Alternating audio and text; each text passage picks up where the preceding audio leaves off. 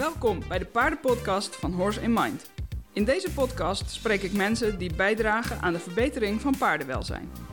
De paardenpodcast wordt mede mogelijk gemaakt door Horse in Mind, kennisplatform over paardenwelzijn. En Rianne Dekker, holistische paardenrevalidatie voor een gezond en blij paard. Hoi, ik ben Rianne Dekker en je luistert naar de 21ste podcast ehm, en de eerste van 2020. In deze aflevering is uh, Savanja Vermeulen te gast van Equine Studies. En ik zat gisteren uh, de podcast of de opname even terug te luisteren. En ik wilde hem eigenlijk niet meer pauzeren. Zo leuk en interessant vond ik het allemaal opnieuw. Ik, ik kon het allemaal gewoon weer luisteren alsof het nieuw was met evenveel interesse. En uh, ik hoop ontzettend dat, uh, uh, dat jij het hetzelfde gaat ervaren. Um, Savanja weet ontzettend veel af van anatomie en biomechanica. heeft heel veel dissecties gedaan, um, samen met en onder leiding van Sharon May Davis, een anatomie-expert uit Australië. Dus ik heb het in deze aflevering met Savanja over alle bevindingen die ze gedaan heeft en hoe zij nu kijkt op uh, wat haar kijk is op training, op het grootbrengen van een paard um, en alles dat daarbij komt kijken. dus ik ga er niet al te veel woorden verder aan vuil maken. Ik, ik ga je heel erg veel luisterplezier wensen en ik ben ontzettend benieuwd wat je ervan vindt. Ik ben Savanja Vermeulen. Ik ben de um, oprichter en eigenaar van Equine Studies. Equine Studies is um, ja, een opleidingscentrum wat zich met name richt op uh, kennis over de anatomie, biomechanica. En in, in wat voor vorm giet je dat dan? Um, wat bedoel je nou ja, precies? Je, je kan erover schrijven, maar je kan er ook weet je, ja, ik geef, opnemen of lezingen. Ja, cursussen. Of cursussen, oké. Ja, in eerste instantie um, ben ik uh, begonnen in 2012 met een partner vanuit Australië. We hadden een, um, een, ja, een opleiding uh, in uh. Uiteindelijk uh, was zij ook bekapper in Australië en bodyworker. Ze had ongelooflijk veel werk in Australië. En ze zei ze van, weet je, ik kan gewoon echt niet zo vaak naar Nederland komen. Ik wil ermee stoppen. En toen dacht ik, ja, weet je, dit vind ik wel super jammer. Um, maar ik snap het. Uiteindelijk heb ik um, wel gezegd van, nou weet je, het stukje therapie laat ik vallen, maar ik wil eigenlijk ja, het, het, ja, de anatomie, de kennis van de anatomie, de biomechanica, de dissecties erbij horen. ja, die wil ik graag behouden. Is dat voor jou oké? Okay? Ja. En toen zei ze ja. Dus eigenlijk ben ik met de cursussen setting doorgegaan. En nu hoort daar eigenlijk wel ja, meer bij dan uh, toen ik begon in 2013. Zo, en wat, wat doe je nu allemaal? Wat voor cursussen zijn? Want ik heb natuurlijk op de, uh, als je op de website kijkt, dan staat er een heleboel op. ja, ik ben wel wat uitbreid in de loop der jaren, dat klopt. Um, in 2013 um, hebben we uh, Sharon May Davis naar Nederland gehaald. Dus een nieuwe naam uh, even, maar die zullen ja. we zo even aanhalen, denk Zeker, ik. Ja. Um, en toen zijn we met één biomechanica cursus begonnen en één dissectie. Ondertussen ja, hadden we het idee om mensen ook weer iets meer te leren over de anatomie en het palperen van het paard. Dus we zijn anatomie toe aan het voegen uh, geweest. Ja. Daarna um, hebben we de taping toegevoegd, equine taping.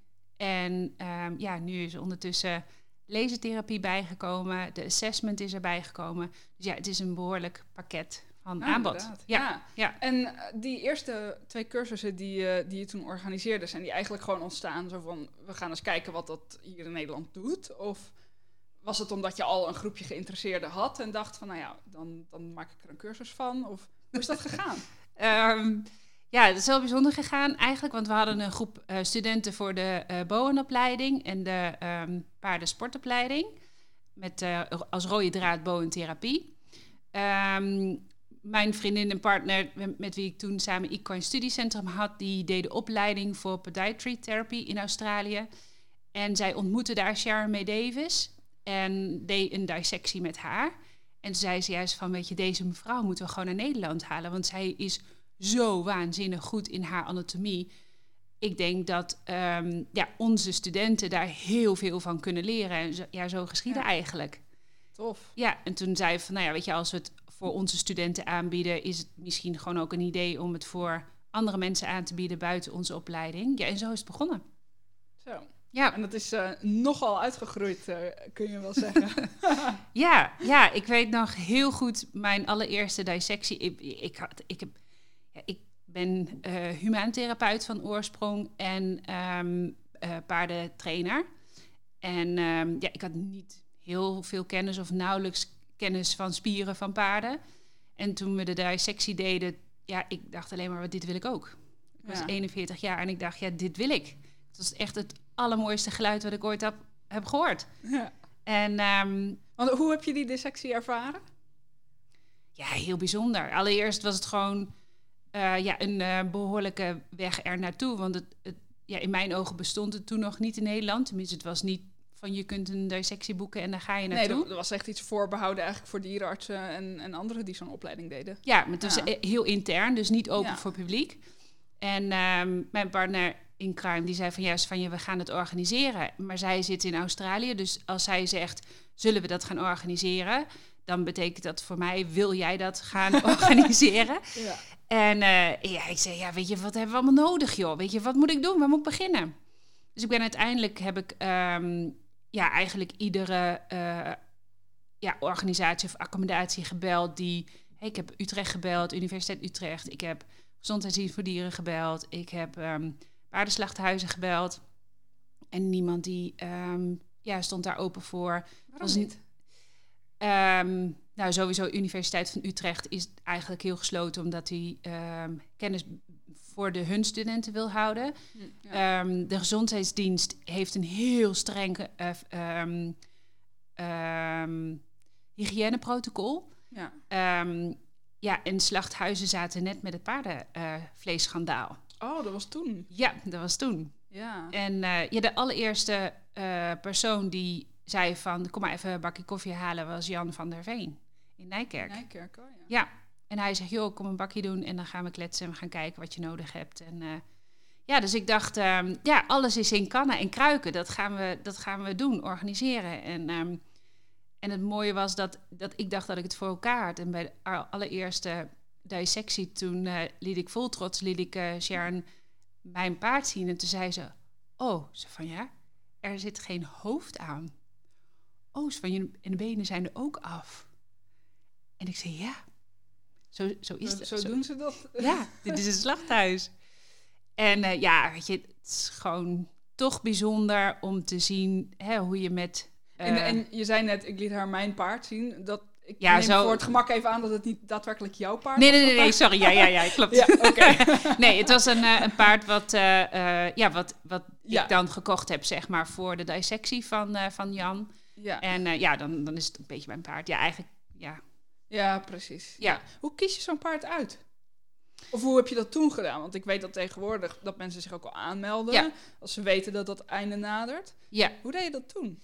Ehm, toen zei ik tegen Jan van... Jan, ik heb eh, dan en dan een dissectie en dan heb ik een paard nodig. En dan eh, ja, zorgde hij meestal voor een paard wat ehm, niet te groot was, niet, niet te vet was. En eh, ja, Ja, dus ja, dat, dat deed hij helemaal voor mij. oké. Ja. oké. Ja. Ja, het, het, ehm, het mooie is eigenlijk op het moment dat je geen achtergrond hebt... ehm, ja, begin je van scratch af aan. ja. Het is eigenlijk net als dat je naar bijvoorbeeld een CSI-serie zit te kijken. Weet je, je weet helemaal niet waar het over gaat. Het enige wat je weet is dat er vaste spelers zijn. En dan ga je op zoek naar, weet je, wat, wat eh, zie je allemaal aan dit paard? En ja, Ja. dan maak je een aanname van, van hoe dat paard geleefd heeft. Ja. Ja, en dat, ja, van, En je krijgt elke keer weer een nieuwe clue, zeg maar. Ja. Hoe dieper je komt. ja, weet je, Sharon wordt natuurlijk niet voor niets CSI eh, genoemd. Maar zo heb ik het ook echt Ja. ervaren de eerste keren. Ja, ja, Wauw. ja. En, eh, maar goed, dat paard had geen hoofd, geen benen. En toen moest je die dissectie dus nog eh, Ja, doen. Ja, en Sharon die, eh, die zag hoe, hoe ja, ontdaan ik was. En zegt, Joost, van ja, dat komt wel goed, geeft niks. En, en dat kwam ook echt goed. Dat kwam ook echt goed. Weet je, uiteindelijk als ik me nu... Het is dat ik me nu in één keer weer herinner. Ja. Maar ehm, ja, het, het, het heeft niet... ehm, het heeft het verhaal niet eh, minder waard gemaakt, zeg maar. Oh ja, oké. ja. En ehm, ja, bij de volgende dissectie heb ik wel, hè, heb ik wel elke, elke dissectie kreeg ik meer van Jan. Weet je, dus Ja. ik heb tegen Jan gezegd, maar mogen we het hoofd erbij? Ja, maar het moet er wel af, want het zijn nou eenmaal de regels. Eh, we kregen benen erbij. Ja, en later heeft hij voor mij heel erg zijn nek uitgestoken en bleef het hoofd eraan en de benen eraan. En ja. soms mochten de organen erin blijven zitten. En eh, ja, dus eigenlijk... En, en dat heeft allemaal te maken met die hygiëne eh, regels. Ja, het zijn eigenlijk ook slacht, slachthuisregels. Ja, precies. En eh, ja. ja. Ja, dus hij heeft wel heel veel. hij heeft Ja. heel erg zijn nek uitgestoken om, ehm, ja, om mij te helpen in, in mijn bedrijf. In het, in het ja, een mooie Ja. dissectie neer kunnen zetten. En ehm, die eerste eh, eh, dissectie, of misschien de eerste paar, heeft May Davis denk ik vooral gedaan. Eh, Maar jij bent het ook gaan leren van haar, toch? Ja. Ja, ik heb ook bij de allereerste dissectie, ja, ik dacht, weet je, geef maar hier die scalpel, weet je, dat is... Ik wil het doen. Ja, precies. ja, en ehm, dus dat heb ik ook voor elkaar gekregen. Nou, weet je, als ik de eerste foto zie, echt mijn hoofd zo rood als een tomaat van inspanning. En eh, toen heb ik aan haar gevraagd van, ja, weet je, ik wil heel graag het vak leren. Wil je mij dat leren? En ze zei, ja, natuurlijk. En toen dacht ik, ja, weet je, zeg je dit nu gewoon om beleefdheid, eh, om, om beleefd te zijn? Of, ehm, nou, en uiteindelijk was het ook een beetje van beide, want ze is heel beleefd. Ehm, Ja. Tenminste, zo ervaar ik haar. En, eh, maar ook ja, mijn enorme doorzettingsvermogen om het te willen doen, heeft er eigenlijk voor gezorgd dat, ehm, ja, dat zij mij het vak is gaan leren. Ja. Ja, Heb, je, eh, heb je alles wat betreft dissecties van haar geleerd? ja, Wauw. Ja. Hoeveel dissecties heb je er nu op zitten? 46. Zo. en dat is sinds 2013? Ja. Dat Ja. zijn er inderdaad een, eh, een goed aantal. Ja, ik zat eh, in, in 2019 zat ik op 13 per jaar. En dat is best veel. Dat is echt heel veel inderdaad, ja. Ja. Zeker als je bedenkt dat ze, nou ja, dus drie dagen per stuk duren. Ja. In ieder geval als er publiek bij is. Ik weet niet of je er ook een aantal zonder hebt gedaan. Nee, ik doe ze wel met, Met, met, publiek. Ja. Het is best een kostbaar geheel, want als je een ruimte Ja. moet huren, drie dagen bezig bent. ehm, Organisatie. ja, weet Ja. je, afvoer. Dus ja, het is. ehm, ja, dus ik doe Dan moet je bekostigen. Ja, Ja, precies. Ja, ja, ja. Ja, ik heb, een, ik heb jarenlang, denk ik wel twee jaar lang. Ehm, in het begin heb ik bij Jan eh, mocht ik oefenen elke maandag. Oh, deed ik wauw. een dissectie op wat hij voor mij over had. Bewaarde die voor mij.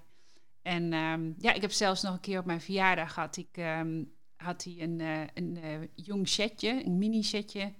En had hij voor mij geregeld. Oh. helemaal- ja, dat was mijn allereerste hele ja, paarddissectie, zeg maar. Zonder hoofd, Ja. zonder benen natuurlijk. Maar eh, Dus, weet je, ik eh, ben wat dat betreft net zo leergierig en eh, ook nou ja, niet vies van dus dissectie of eh eh kadaverhoeven om op te oefenen of wat dan ook. Maar ik kan me echt wel voorstellen dat mensen zitten te luisteren en echt denken, ah, ze zijn zo enthousiast bezig over, ja, over dode dieren en, en ontleden paarden. En ik kan me goed voorstellen dat dat een beetje gek is. Dus als je luistert en je denkt dat ook.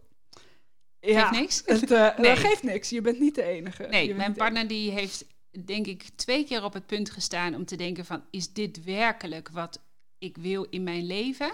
Dus het is echt niet gek als je denkt van nee, weet je, not in my household. Ja, want ik kom hier inderdaad net de garage in en het ligt bezaaid met paardenbotjes en van, van groot tot heel klein en dozen vol en stellages en van alles. Dus dat is iets anders dan een gemiddelde garage. Ja, Ja. ja ik heb ehm, permissie gekregen om eh, mijn botjes te koten in de bijkeuken. Want eh, eh, in de schuur is, is het wat te koud, zeg maar. Ja, Dan merk ik dan hecht de coating niet heel goed. Maar dat is ook dat is, ehm, per hooguitzondering, heb ik hem beloofd. ja. Ja, Nou, je had er dus 46 gedaan, die dissecties. Ja. Ehm, zijn ze je allemaal bijgebleven? Denk je dat je van, van allemaal nog wat weet als je, een, als je een naam en foto zou zien? Ja. Zijn er bepaalde die er, die er echt bovenuit springen? Ehm, ja, Bovenuit steken? ja, Kun je een voorbeeld noemen? Eh, ja. Ik denk dat ehm, eh, de dissecties met, eh, ehm, met de Konings en de Przewalski's zijn me bijgebleven. Dat is al een tijd geleden, 2014, 2015. Ehm, Isabelle is me bijgebleven. Dat is een kruising short met nou, onbekend. Zij ehm, is van de markt gekocht. En die had een zwaar verwaarloosd gebit. Enorm. Dat is wel echt... ehm, ja, dus dat, dat, ehm, daar kan ik nog een beetje koud Ja. van krijgen. Weet je, dat ik echt denk van... eh, jeetje, weet je, Ja, hoe kan het zo voorkomen? ja, ja. Ja, weet je, kissing spine. Nou ja, noem maar allemaal op. Echt zo verschrikkelijk veel wat we hebben gevonden. Ja, en de laatste blijven hier natuurlijk ook altijd wel bij. Maar ook, vers in het geheugen. ja, Ja. maar ook gewoon de hoeveelheid eh, schades wat we hebben gevonden. Omdat deze paarden op hoog niveau hebben gepresteerd. En dan ben ik echt verbaasd hoeveel ze hebben gedaan voor ehm, de sporter. Met ja, het ehm, skelet wat ze hebben gehad. Ja. En dat vind ik ja, bijzonder. Bijzonder wat deze dieren voor ons doen eigenlijk. Nou, inderdaad. Ja. Krijg ik er veel van. Ja. Ehm, wat, wat zijn de meest voorkomende beschadigingen die je vindt tijdens zo'n dissectie? Eh peesblessures, peesontstekingen, eh kissing spine, artrose, lage nek. Ja. Ehm, ja, ik denk eh, ehm, de overgang van het hoofd naar de halswervels. Ja, ja, beschadigde spieren, En, zijn dat, littekens. en zijn dat allemaal beschadigingen door overbelasting of overvraging? Of zijn er ook heel veel trauma's tussen die vaker bij paarden voorkomen? Zeg Ja. maar? Ja, dus littekens ehm, komt ook voor paarden onderling ehm, Ja. die elkaar beschadigen. Eh, ongelukken in trailers, ehm, valpartijen in training of in Ja. met weidegang, stal. En ehm, nou is dat misschien, zeker als je wat oudere paarden eh, ja, op de tafel hebt liggen, is misschien moeilijk te bepalen. Maar zijn er, eh, eh, vind je nou ook veel ehm, beschadigingen of afwijkingen, moet ik zeggen, die genetisch bepaald zijn? Ja. En wat voor dingen zijn dat? Eh, de meeste genetische, ja, iemand noemde het eens een keer genetisch defect. Ik Hmm. vond dat zo'n mooi woord. Ehm, is eh, ehm, malformatie C6, C7. Dat is echt een, eh, een, eh, een afwijking wat ik veel, veel De, mi- zie. de misvorming van de... Halswervels. Ja. Ja. eerste rib zit daar, eerste, tweede rib zit daarbij, is Ja. daarbij betrokken. Wat scoliose in de lage rug is erbij betrokken. Die zie ik veel. Ehm, eh, bij Arabieren eh 16 en 17 ribben met de afwijking van de laatste rib. Hm. Soms is het dan een rib, soms is het een, ja, een los werveltje. Soms is het een zwevende rib. Dus dat is eigenlijk wel, ehm, Tja. ja, En ehm, nog een. eh, ehm, de, het, het ellebooggewricht is bijvoorbeeld iets wat, ehm, waar heel veel over ge- gezegd en geschreven is door bijvoorbeeld door Sharon Davis. Vind je dat ook vaak terug op de tafel? En, en wat, wat, is daar, wat, wat is daarmee? Kun je daar wat over vertellen? Ja, ik kan met volmondig ja zeggen. Die vind ik ongelooflijk veel. En ehm, ja, ik kan wel zeggen, ja, ik, ik heb eh, natuurlijk samen met haar dat onderzoek gedaan. Ehm, ja, en ha- haar stelling is, bij elk gereden paard of paard ehm, voor de wagen zie je schade aan het ellebooggewricht. Ze heeft daar ook een eh, grote presentatie, eh, geeft ze daarover. Dus ze, een- ja, eigenlijk een, ja, een, Ja. eh, een, eh, ja, een uitleg van meer, meer dan een uur, zeg maar. Dus Ja. even kijken of ik het een beetje eh, in Ik het ben, kort kan eh, vertellen. Ik ben bij die presentatie geweest volgens mij. Was dat 2015? Ja, klopt. Maar ze heeft hem nu Utrecht? nog uitgebreider, Oh, ja. omdat in Zweden ehm, ehm, zei ik van, en volgens mij moet je het ook daar presenteren. Dus ze heeft hem meer uitgebreid. Maar ja, weet je, we zien meer of minder eh, schade aan het ellebooggewricht. En dat betekent ehm, dat het gewricht, ehm, ja, hoe zou ik het goed, goed noemen?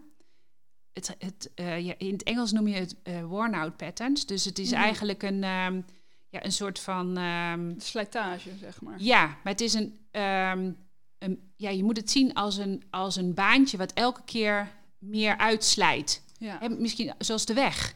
Kan ik misschien Ja. voor. Hè? Dus als je over de weg heen rijdt, dan heb je eerst een klein hapje uit. En dat wordt steeds meer, meer, meer, meer. En zo is dat eigenlijk bij het ellebooggewricht ook. Dus de, ehm, ehm, het kraakbeen van het gewricht is eerst eigenlijk een beetje aangedaan. Dan is het kraakbeen weg. En zo krijg je eigenlijk een heel mooi patroon. Dat, dat wordt zacht ik. Dus je krijgt eigenlijk Ja. een patroon wat, ehm, ja, wat zich uitslijt. Ja. En bij alle paarden die dus gereden zijn of voor de koets hebben gelopen. Ja. Heftig wel. Ja. En zou je dan niet moeten stellen dat er eigenlijk gewoon niet meer op gereden moet worden? Of Nee. is dat een voorbarige conclusie? Ik, ik vind hem kort door de bocht. Ja. Ehm, maar ik, ik vind hem wel logisch. Ja. Ehm, hè, want zo heb ik zelf ook gedacht. Ja. Alleen, eh, ik, ja, ik heb net als eh, therapeuten en eh, trainers... heb ik ook een soort ideologie. Mhm. Dat ik, dat ik denk dat als je een jong paard... Maar weet je, die, die wil ik heel graag uittesten. Eigenlijk het liefst met Ben Brendrup en zijn trainers. Dus als je een jong paard van jongs af aan... ehm, echt traint om het gewicht van de voorhand af te halen op de achterhand... voordat je erop zit... dan ben ik heel benieuwd wat dat ellebooggewricht gaat doen. Ja. Ja, precies. Dus eigenlijk dat- zeg je van eh, eerst de, moeten we de training überhaupt verbeteren. Ja, Om te zien of, eh, of het hele concept rijden Ja. de oorzaak wel is. Ja. Of de manier van trainen. ja, ja. precies. Ja, daar kan ik me wel in vinden. Dus dat is zo'n soort van ja, missietje ernaast. Dat ik denk van ja, weet je, dat lijkt me goed. Ja, meerjarenplan. Dat Ja, wel. ja, ja, zeker. Ik ben eh, iemand die probeert vrachtschepen te keren, zeg maar. Ja. Dat is wel, het is wel eh, heel nodig, denk ik. Ja. Want ehm, ik denk dat er zeker de laatste jaren, maar ook al wel langer, maar dat er steeds meer oog komt voor correcte training. Ja. Ehm, en, ehm, en dat dat ook wel, dat de paardenwereld en ook de paardensport daarin ook wel aan het veranderen is. Maar Ja. ja, die verandering die gaat natuurlijk gewoon langzaam. Ja, Die is er gewoon niet van de een op de andere dag. En eh, ik ben inderdaad ook wel heel benieuwd of als, als die verandering doorzet, wat dat dan voor effect heeft op dus de gereden paarden. ja, ik ook. Ja, ja en ik, ik, ik ben echt super nieuwsgierig als we, ehm, weet je, als we die onderzoekjes zouden kunnen doen. Weet je, dat is natuurlijk ook echt, ehm, ja, daar gaat jaren overheen. En misschien ehm, ga ik het niet eens weten, leef ik niet zo lang, dat weet ik niet. Maar ik zou hem graag ingezet willen hebben, ja. Ja. Ja, ja want er is, er is gewoon, er is nog zoveel in de wereld ehm, wat in mijn ogen anders kan. Ik ben natuurlijk laatst naar Japan geweest. Ja, het is Ja. bizar, weet je, hoe, hoe, ja, hoe zij daar paarden houden. Ja, ik, eh, ik weet er niet veel van. Maar ik heb wel het een en ander gehoord over eh, de, de haast de bio-industrie van, van de paarden, zeg maar. Ja, en het, het, weet je, het, het bijzondere ervan is, is dat zij echt oprecht van hun paarden houden en echt met heel hun hart en Ja. ziel en zaligheid eh, het beste voor hun paarden doen. Maar ja, dat ik, is... denk, ik denk dat het daar nooit aan ligt. Nee. Bijna nooit in ieder nee, geval. nee, nee. Kun je, kun je even kort vertellen hoe ze de paarden daar over het algemeen houden? Ja, daar is. ehm, eh, nou, ik ben dan op de riding school in, eh, in Tokio geweest. Dat is een, een groot stallencomplex. Eh, met allemaal ventilatoren aan het plafond eh, voor zomers als het eh, meer dan 40 graden is. Ehm, weet je, er is geen weiland. Niet. Er zijn, wat ik heb gehoord, wel spellingscomplexen. Maar dat is ver buiten Tokio. Ehm, ja, en ze willen toch paardrijden. Het is wel een, ja, het is wel een elite gebeuren, zeg maar, voor mensen die ja, echt wel geld hebben om daar Ja. te kunnen paardrijden.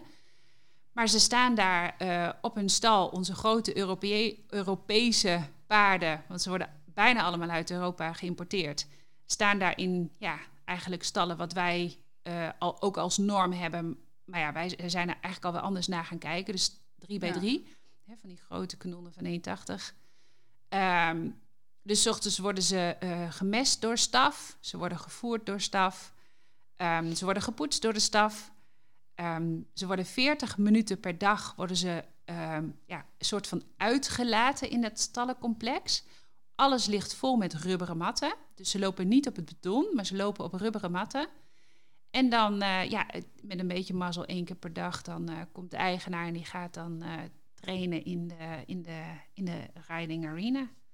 En dat, dat is het. Ja, dus ze hebben heel veel staf die echt paarden verzorgen. Dat doen zij al niet, ja. Bijna een soort van permanent hotel. Ja, ja. Ja, Het is echt, het is echt heel moeilijk voor te stellen. Ook het eerste wat ik denk is, nou, die paarden die zien dus eigenlijk nooit, nooit daglicht. nee. Dat, dat, maar ook de mensen niet.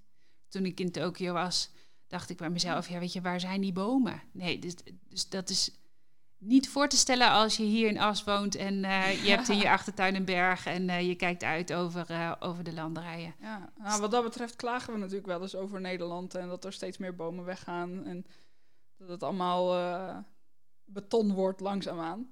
Maar inderdaad, als je het dan vergelijkt met zo'n verhaal van Tokio of ik was dan vorig jaar in New York, is geen boom te bekennen hoor. Nee, Dan moet je echt naar Central Park en dan nog, ja, Ja. weet je, ja, ja, ja. best toch bizar. Ja, en toen, maar ja, dat, dat, misschien is dat nog wel.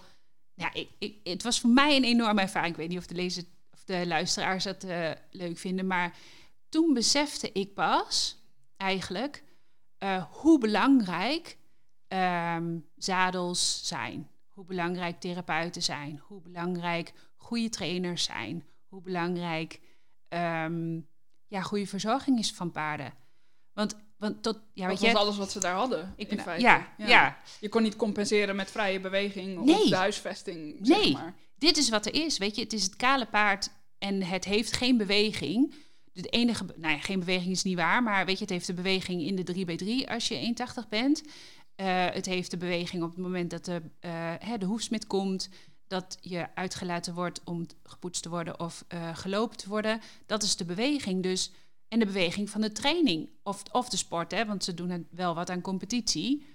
Dus dan pas is eigenlijk hè, eh, zadel, goede zadels, goede hoofdstellen eh, nog belangrijker.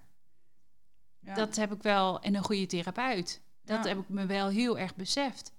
En ik dacht, ja, weet je, als ik naar mijn paarden kijk en dan denk ik, joh, weet je, ja. ja, weet je, hoe erg is het als ik een beetje scheef zit? Een kwartiertje, half uurtje per dag. Ik zeg niet dat ik dat zit, maar weet je, ik, ik zeg ook niet dat je niet In- moet trainen. ja, maar precies. Maar je bedoelt in vergelijking met de rest van hun dag, zeg maar. Ja, En ja. De mogelijkheden die zij hier ja, hebben. precies. Ja. Ik zeg niet dat je het niet moet doen, maar ehm, toen, toen kwam, toen als, noem zag Donderslag het bij heldere, eh, ja, donderslag bij heldere hemel. Toen begreep ik het pas echt. Toen dacht ik Ja. van ja, nou snap ik het pas echt. Ja. Wat, wat denk je dat, ehm, dat hier in Nederland de, de belangrijkste elementen zijn voor een, een gezond paard? Meer bewegen. Ook. Ja. Toch eigenlijk ook. Ja. Als je beseft, en we doen ehm, nu, ik denk sinds een jaar of twee ook hersenonderzoek. Eh, tijdens de dissectie hè, lichten we het schedeldakje en dan eh, bekijken we de hersenen. En als je beseft dat op het moment dat een jong veulentje geboren wordt, dat de hersenontwikkeling één op één samengaat met het bewegen. Het lerend vermogen gaat één op één samen met bewegen Wauw. wat doen we? Ja, weet je, dan wordt het veulentje geboren in een, eh, in een kraamstal. Ja. En dat is de beweging die die heeft. En dan na zoveel dagen mag hij dan, ja, wel of niet naar buiten. Even. Ja. Het is het, maar ook, is als je ga- gaat kijken naar de functie van de spieren. Het merendeel heeft als functie bewegen. Ja, en op het moment dat een paard elke dag buiten komt, maar vier uur, ja, vind ik te weinig. ja. Want wat, wat voor huisvesting zou ideaal zijn? Behalve, zeg maar, laten we zeggen 24-7 buiten met schuilstal. Dat is een soort Ja, van je, de ik, basic. ik, ik, ik vind het een lastige vraag, ideaal. Is het ook? Maar Ik denk niet dat ideaal bestaat ook. Ideaal En- per paard, zou je dan Ja, weet je, Ja. de- ehm, dus ik, daar hou ik me echt mee bezig. Weet je, wat is Mhm. dan ideaal? Eh, is mijn eh, situatie nu ideaal? Eh, in deze periode vanaf september ehm, niet meer dan een week eh, droog weer. Ehm, ik denk dat ze nu een lastige periode doormaken, omdat ze, ja, ik kan niet zeggen dat ze heel blij worden van, deze, van dit weer.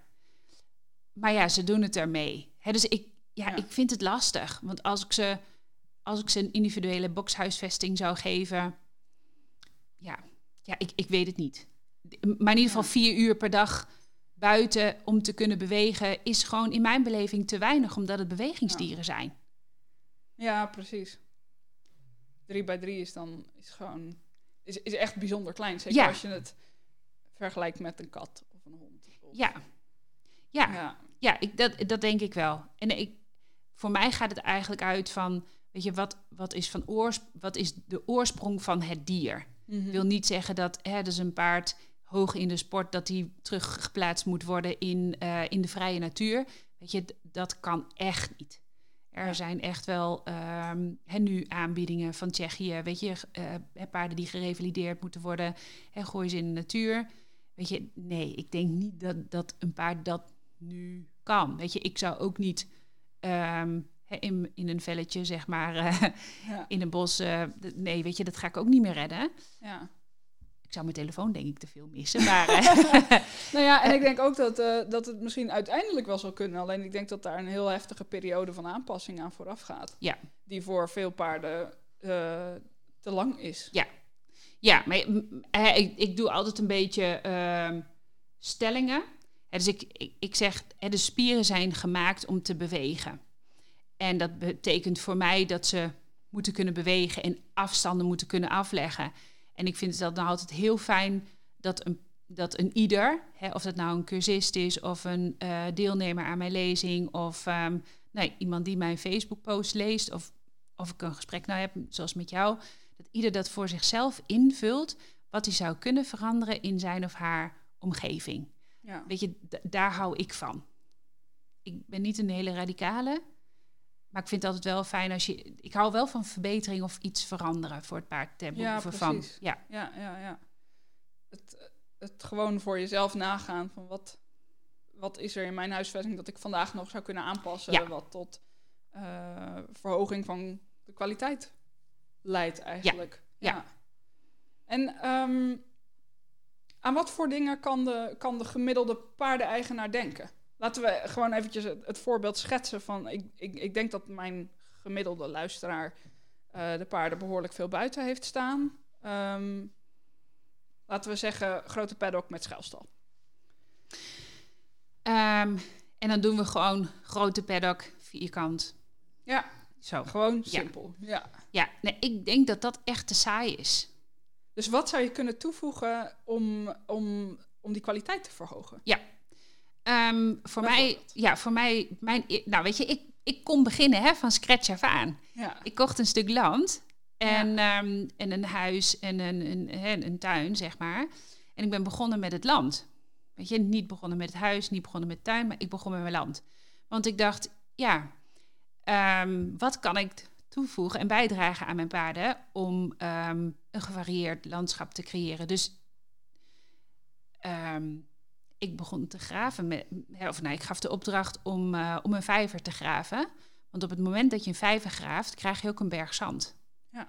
Zo simpel was het voor mij. En ehm, uiteindelijk ehm, heb ik daarna eh, geïnvesteerd in eh, looppaden. Dus ik heb paddockjes gecreëerd. Dus ik heb nu vier graspaddocks. En ze kunnen gewoon daartussendoor kunnen ze gewoon lopen. Dus nu is het niet zo dat, ja, het is, hè, dus het is eh, nat, beschreef ik net al. Ehm, hè, ze, ze kunnen blijven lopen als ze dat willen. En je ziet dat ze ehm, niet altijd willen lopen, maar soms Ja. ook wel. En ze kunnen ja, lopen zoveel ze willen. Ehm, daarnaast, wat ik heb gedaan, is ik heb bielzen laten plaatsen, zodat ze in slalommen moeten lopen aan één kant. Hè, dus één lange zijde heb ik allemaal slalommen. Dus ze moeten of over hun over balken heen lopen, of ze moeten slalommen. En ik heb. ehm, En waar, waar kiezen ze dan meestal voor?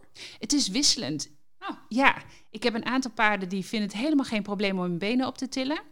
En ehm, ik heb een Mary, zeg maar, die eh, een, een bekkenprobleem heeft. En zij kiest voor slalommen. Ja.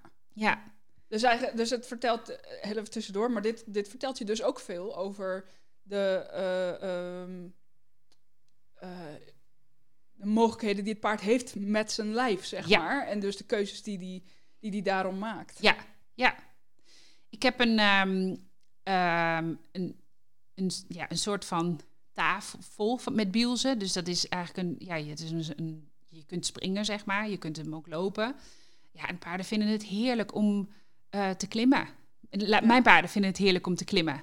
Ik heb achter mijn ehm, stal heb ik grind laten storten. Ehm, ja, eigenlijk is het vanuit het Engels peak gravel. Ja. En ja, ik kan wel zeggen dat ze heel, nu heel veel daar uh, staan. Mijn kleine Shetlanders staan er ook heel veel. Ja, weet je, verschillende soorten ondergrond hè, wil ik daarmee um, beogen. Ja, ik wil gewoon eigenlijk wil ik gewoon aan, ze aanbieden dat ze gewoon elke, uh, ja, eigenlijk elk uur van de dag ergens naartoe onderweg zijn. Dat is eigenlijk mijn motivatie. En hou je dan ook, uh, hou je daar rekening mee wat betreft voerplekken? Ja. Dus je voert elke keer op verschillende plekken om het lopen dus te bevorderen? Ja. Ja, en wat ik zei, ik ben, hè, dus in 2017 zijn we hier komen wonen. Dus voor mij is het ook elke keer weer een opbouw en een investering. Wat zie ik de paarden doen? En, dus dat is, dat is denk ik wat ik ook net bedoelde. Um, weet je, elke keer kijk ik naar de paarden en denk ik van, nou weet je, volgend jaar zou ik het toch anders doen. Ja. En dat is, ja, gelukkig heb ik die flexibiliteit en mijn partner ook. ja. En uh, er is nu, um, heb ik een uh, jonge hengst erbij. Uh, dat zorgt voor behoorlijk wat dynamiek in de groep. Dus um, ik zei, ja, weet je, het mooiste zou zijn als we een brug kunnen bouwen over de sloot. En dan kunnen we de groepjes in tweeën splitsen. We kunnen de groepen samen doen, maar dan kunnen ze ook over de brug. Dus zo ben ik elke keer ja. wel weer iets nieuws aan het verzinnen. En toen, en toen had ik dit hè, in beeld en toen dacht ik, goh, weet je, ik zou hem ook heel leuk kunnen rijden. Ja. ja. Dus ja, ja, zo ben ik continu bezig om te kijken naar de paarden. Wat hebben ze nodig? Ja. Ook voor, hè, wat is heel leuk voor, uh, voor mijn cursisten. Hè, wat, wat, is, wat kan ik goed aanbieden voor de cursisten? Zoals in de assessment en de biomechanica advanced gebruiken we de bult heel erg veel om, nou ja, hè, waar we het al over hebben gehad, de, de ellebogen te assessen. Ja. Ja. ja. Want um, waar kijk je dan, dan naar? Want je hebt het over de berg en de elleboog. Maar um, er is blijkbaar aan die houding iets te zien waardoor je ja. Conclusies kunt trekken. Ja, ik zou kijken of ik het zo goed mogelijk kan omschrijven. Want ik denk dat dit wel ook wel iets is waar, uh, waar de luisteraar goed naar um, kan kijken. Dus ik probeer ja. zo goed mogelijk te beschrijven. Dus als je, um, als je het paard neerzet, dan heb je het voorbeen en de schouder. Um, in, daarin, dat tussen be, ja, begeef je zeg maar op, op uh, dat gebied vanaf de schouder naar de knie. Op het moment dat je gaat kijken naar het elleboog, zit je, um, ja, ik denk dat je een beetje halverwege zit. Uh, het zit, het ellebooggewricht zit ter, zit ter hoogte van de singel. Ja. Um, even kijken hoor. Als je dan uh, zeg maar ter hoogte van een single, daar zit een, groot, daar zit een, daar zit een spiergroep. En die spiergroep die heet de um, triceps. Als je gaat kijken naar de beweging van uh, die triceps, dan uh, als het paard loopt, en het paard loopt op de bult, zie je nog niet zoveel, maar als het paard loopt van de bult af, dan zie je een bepaalde trilling of een bepaalde ja, uh, shake door die spier heen, die er eigenlijk niet hoort te zitten. En dat zie je vrij goed. Soms dan zie je eigenlijk ook een onstabiliteit van, de, van het ellebooggewricht. En dan zie je echt, ja, wij noemen het een klonk. Weet je, het is heel lastig om te omschrijven hoe, hoe is dan die klonk. Maar je ziet gewoon dat dat, uh, dat gewricht eigenlijk uh, niet helemaal goed functioneert. Ja, weet je, op het moment dat ik dit beschrijf, ik weet ja. zeker dat, da ja, dat het precies. opvalt. Ja. Ik wou net zeggen, het is. Um, het klinkt een beetje uh, als. Ja, niet helemaal, maar min of meer dezelfde manier waarop je kijkt of een paard teenland of niet. Aan, aan de Ja. manier waarop er neergezet en afgerold wordt. Ja. Waarbij je een soort van terugslag krijgt Ja. van het. eh, ehm, van, van de voet, zeg maar. Ja. Op het moment dat het paard teenlandt. Ja. En iets soortgelijks heb je dus denk ik ook met die triceps. Die waarschijnlijk de boel een beetje stabiel moet houden omdat Ja. er beschadigingen zijn. En op een gegeven moment weer moet ontspannen. Maar dat doet hij niet meer op een correcte manier, denk ik. Nee. Oké. Dus je ziet echt, echt bepaalde bewegingen ehm, ja, rondom het elleboog, hè, dus de spieren Ja. rondom het elleboog. Wat, en om het dus te kunnen vergelijken, zou je dus moeten kijken naar paarden die dus onbereden zijn. Ja. Ja. Dat is een interessante. Ja. Ja, wat ik, wat ik mensen eigenlijk altijd adviseer is, ehm, eh, en ik heb hem dit jaar weer voor het eerst, want eh, we, hebben, we zijn er één jaar tussenuit geweest, is dat ik mensen meeneem ehm, naar de koningspaarden. En dat we dus echt in gaan zoomen op de biomechanica van de koningspaarden. Weet je, want als Ja. je die op je netvlies hebt, dan weet je wat de correct bewegend elleboog is. Bijzonder. Ja. Nou ja, ik heb nou dus, eh, ik heb mijn, eh mijn 3,5-jarige en mijn 11-jarige samen staan. Die kan ik wel mooi, eh, mooi vergelijken. Ja. Dus even Ja. zien wat daar het, eh, ik bedoel, het zijn sowieso twee heel verschillende bewegers. Eh, maar zij nog helemaal onbeleerd. En, en hij manegepony geweest. Ja. Dus dat is, ga, ik, ga ik morgenochtend Ja. als je geen berg hebt, Nee, dus- ja, ik heb, mijn, mijn schuilstal die, die is een stukje omhoog, zeg maar. Dus. Alleen op het moment dat ze de schuilstal instappen, stappen ze dus omhoog of er dus uit vanaf. ja. Verder, ehm, Maar je kunt ook een kleine cirkel doen. Dan kun je het ook zien. Maar Oh ja. bergaf is het best. nou, interessant. Ja. Goeie, dan moet ik ze gewoon heel vaak in en uit de schuilstal lokken. Ja. Dat, eh, ja. Ehm, we hebben het dus al wel even gehad over het effect van, van FOK en het effect van training, zeg maar, op, op beschadigingen of afwijkingen. Dan huisvesting komt erbij, denk ik. Vooral voor de spierontwikkeling. Ja. Ehm, welke andere elementen hebben, eh, zie jij effect van? Zijn er ook nog, eh, kun je bijvoorbeeld van voeding ook eh, het een en ander vaststellen? Of is dat echt heel lastig? Als je dus dissecties doet of naar paarden kijkt. Of... Ehm, eentje springt er voor mij wel uit. En dat is Samantha. Ehm, de eigenaresse die eh, kwam bij mij en, ehm, en ze zegt, ja, mijn paard is kreupel. Ehm, ze is zes jaar en ze had verbeend hoefbeen. Aan allebei de voorbenen. En dat was best behoorlijk erg. Ze zei tegen mij van, van ja, ik heb haar als vierjarige gekocht. En ze was, eh, en ik heb stage gelopen op het bedrijf waar ik eh, haar gekocht heb. En ze was zwaar verwaarloosd in haar voeding. Dat wil zeggen dat ehm, die fokker niet veel aandacht besteedde aan voeding van, de, van zijn fokmerries. Ehm, dat betekende dat op het moment dat het veulentje geboren werd, daar, ja, weet je, niet, ehm, niet ideale, laat ik zo zeggen, niet juist, maar ideale eh, voeding kreeg. Werd niet ontwormd, niet bekapt, niet, weet je, niet, niet, niet. Ze kwam niet buiten, ze liepen daar met z'n allen in de grote loopstal. Ehm, ze heeft haar gekocht en ze dacht, weet je, ik ga echt alles goed doen. Ja. Dus ze heeft daar voedingsadvies op, ehm, op ge- gezet. En ze heeft haar, nou ja, weet je, eigenlijk ja, wat je dan als, eh, als mens doet, zeg maar. Je stopt daar alles in wat je kan. En ehm, ja, wat mij opviel toen ik de, het skelet eh, prepareerde, is dat botten heel broos waren, groeischijven niet gesloten. En toen dacht ik, ja, weet je, dit, dit, ik, kan, weet je ik, ik kan alleen maar aannemen. Hè. Ik vind dat heel moeilijk om te zeggen van het ligt aan de voeding. Ehm, maar ik kan wel stellen dat voeding daar wel. frappant. Ja, voeding in heeft daar wel eh, een grote rol gespeeld. ja. Ik weet ook nog toen ik mijn allereerste skelet samen met Sharon opgroef in Australië in 2015. En dat dat, dat, dat skelet, dat, hè, dat ging ik wassen. En eh, ja, ik drukte daar zo gaten in. Weet je, dat ik zei tegen Sharon van, weet je, ik word er gek van. Weet je, ik doe het gewoon niet goed. En zei ze van, ja, maar wat voor paard is het? Ik zei, ja, het is een volbloed racepaard. Ze zegt, ja, ze zegt, en hoe denk je dat die, dat, dat botstructuur echt voor kwaliteit heeft? Ze zegt, want deze, deze paarden zijn al generaties, ehm, ja, gewoon, weet je, eh, hard getraind. Ehm, ja, jong, jong en hard getraind. Ja. Voer is daar niet altijd op aangepast. Ze zegt, ja, en dat generaties lang. Ze zegt, botkwaliteit is echt niet meer zo oké. Ja. Dus toen besefte ik wel, weet je, hoe belangrijk voeding was ehm, in, hè, in, ehm, ja, in training en, en, ehm, en opgroeien van een jong paard. Zo. Nou, inderdaad, ja.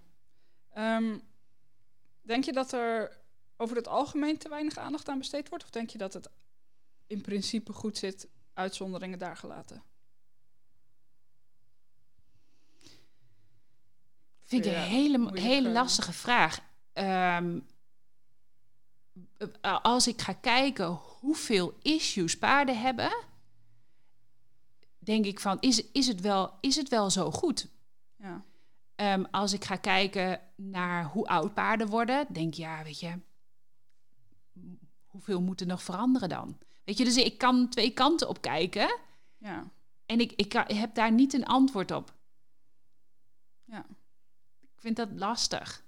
Is het ook wel, denk ik. Ja, Het is, eh, het is natuurlijk gewoon heel moeilijk om, ehm, denk ik, als je een dissectie doet, van een aantal dingen weet je inmiddels dat het bijvoorbeeld aan de training of veelal door training komt, of Ja. dat het een genetisch defect is.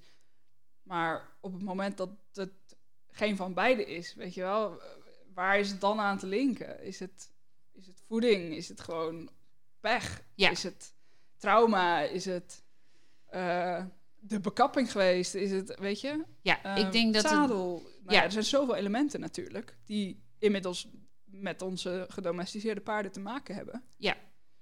Ja, dat denk ik ook. Ik denk, en elke keer, ehm, ik kan daar 46 keer nog zeggen van, weet je, dit heb ik nog nooit gezien. Ja. Maar ehm, ja, ik hoor Sharon ook elke keer nog zeggen. Weet je, ik ga natuurlijk eh, veel nog met Sharon mee. Weet je, ik wil zoveel mogelijk ehm, van haar leren nog. En ik kan nog heel veel van haar leren. Maar ik hoor haar elke keer ook nog zeggen, dit heb ik nog nooit gezien. Ja. Dus ja, ik, ik denk dat paarden voor, voor mij in ieder geval, weet je, het blijven gewoon toch ja, verborgen schatten. Ja. Nou ja, en ehm, wat ik me ook afvraag is dat door al die dissecties zie je dus heel erg veel beschadigingen en afwijkingen. Ehm, word je daar dan ook extra voorzichtig van? Of eh, zeg je van ja, weet je, het, het, in een groot geval is het nou ook eenmaal zo. En dat wil niet zeggen dat kwaliteit van leven ook minder is. Ja, ik heb die. Ja. Ja, ik, ik, ik denk dat ik ehm, vanuit mijzelf ehm, best veel relativeer dan. Dat Ja. ik denk van, ehm, hè, dus we hadden laatst in Engeland hadden we een, ehm, eh, een paard wat eh, op hoog niveau endurance heeft gelopen, Arabier, de Arabische, Arabische Emiraten. En dat schijnt eh, heel heftig te zijn. Het paard is eh, 24 geworden. Echt suspensory ligaments echt gewoon kapot. Kapot, zo kapot heb ik ze nog nooit gezien. Ik heb, ja, ik, zou, ik heb Beckham in huis gesmokkeld vanuit Engeland in mijn bus. ik hoop niet dat de NVA eh postkast. Ehm, eh, ik, heb, ik heb zijn hoofd en zijn bekken heb ik mee naar huis eh, genomen. En weet je, de schade die hij had, het nucleus lamellen op C2 was afgescheurd. Ehm, hij heeft ehm, op dus zijn bekken was gescheurd, hè, een stuk af van zijn bekken. Zo. En ehm, hij had een stuk verbeend ligament aan zijn bekken. Ja, ik, ik, ik, ik denk, ja, weet je, En weet je hoe hij bewoog voordat hij overleed? ja, dat was heel beroerd. Oké, ja. He- Heel, heel, heel beroerd. Ik heb echt nooit paard zo beroerd zien lopen vanuit mijn dissecties. Ehm, maar ja, weet je, hij, hij, ehm, ja, toen, toen, hij, toen hij weer terugkwam uit de Arabische Emiraten, hebben ze gewoon nog eh, als een happy hacker, eh, zeg maar, eh, buitenritten gemaakt. En hij heeft het gewoon gedaan, weet je. Dus ik, ja. dus ik denk ehm, echt dat een paard meer is dan alleen maar zijn lichaam. Ja, je wordt ook nog wel weer even geconfronteerd met hoe sterk paarden mentaal Ja. zijn. Ja. En Ja. ik denk ook inderdaad dat dat niet onderschat moet worden. Nee, weet je, een gefokt sportpaard om te sporten is een sporter. Ja. En zet een topvoetballer maar, zeg maar, je mag niet meer voetballen. Of een topsporter. Weet je, dat gaat er gewoon niet in. En dat, ik denk dat het met paarden ook echt zo is. Dan is het natuurlijk wel heel moeilijk om te bedenken waar je de grens trekt. Heel. En ik denk dat, dat, dat daarom ook eh, gewoon zoveel discussies in Nederland zijn.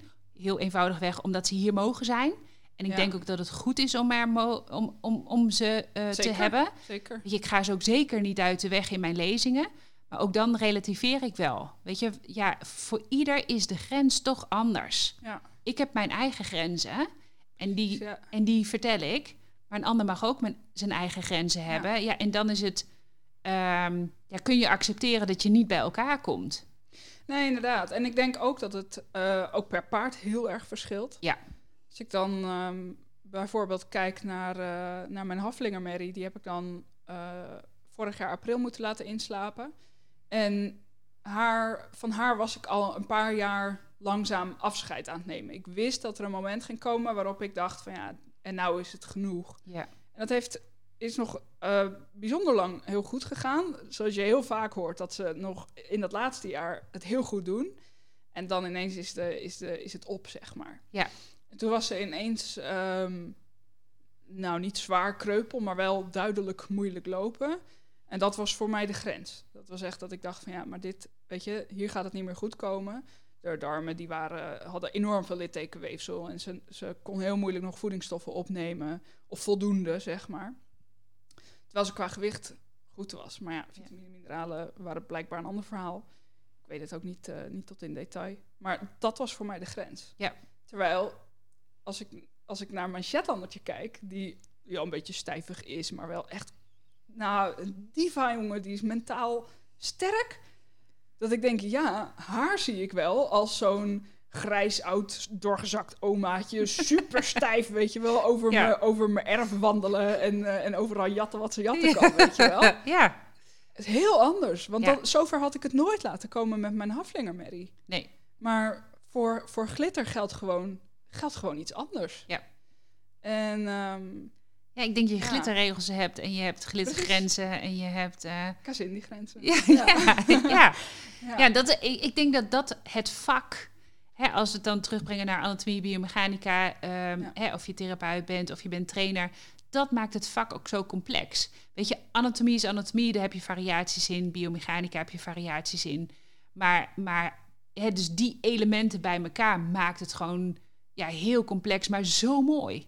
Ja, ontzettend. Ja, Ontzettend boeiend ook natuurlijk. ja, ja. Zeker.